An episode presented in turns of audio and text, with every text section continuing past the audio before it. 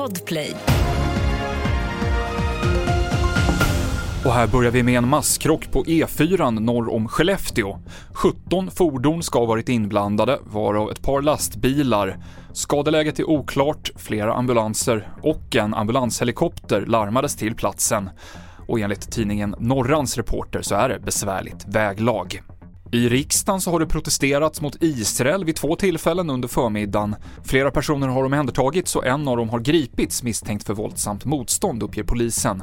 Protester pågår även utanför riksdagens huvudentré, uppger vår reporter på plats.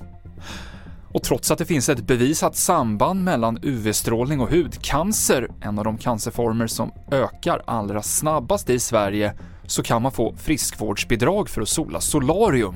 Nu kommer krav på ett omedelbart stopp. Det är ju jättekonstigt. Alltså det bara att tänka tanken tycker jag är konstigt. Och, och det är ju därför vi vill liksom försöka påverka myndigheter och politiker kring det här. För att det är ju galet att man ska kunna få en skattesubventionerad verksamhet till att gå och sola. Vi hoppas ju att, att man ska ta, ta frågan på allvar. Det sa Anders Ekblom på Melanomföreningen. Fler nyheter hittar du på tv4.se.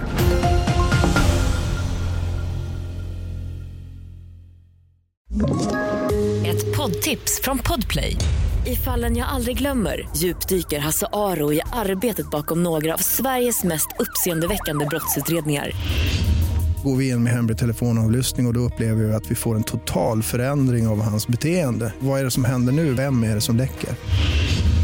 Och så säger han att jag är kriminell, jag har varit kriminell i hela mitt liv men att mörda ett barn, där går min gräns. Nya säsongen av Fallen jag aldrig glömmer på Podplay.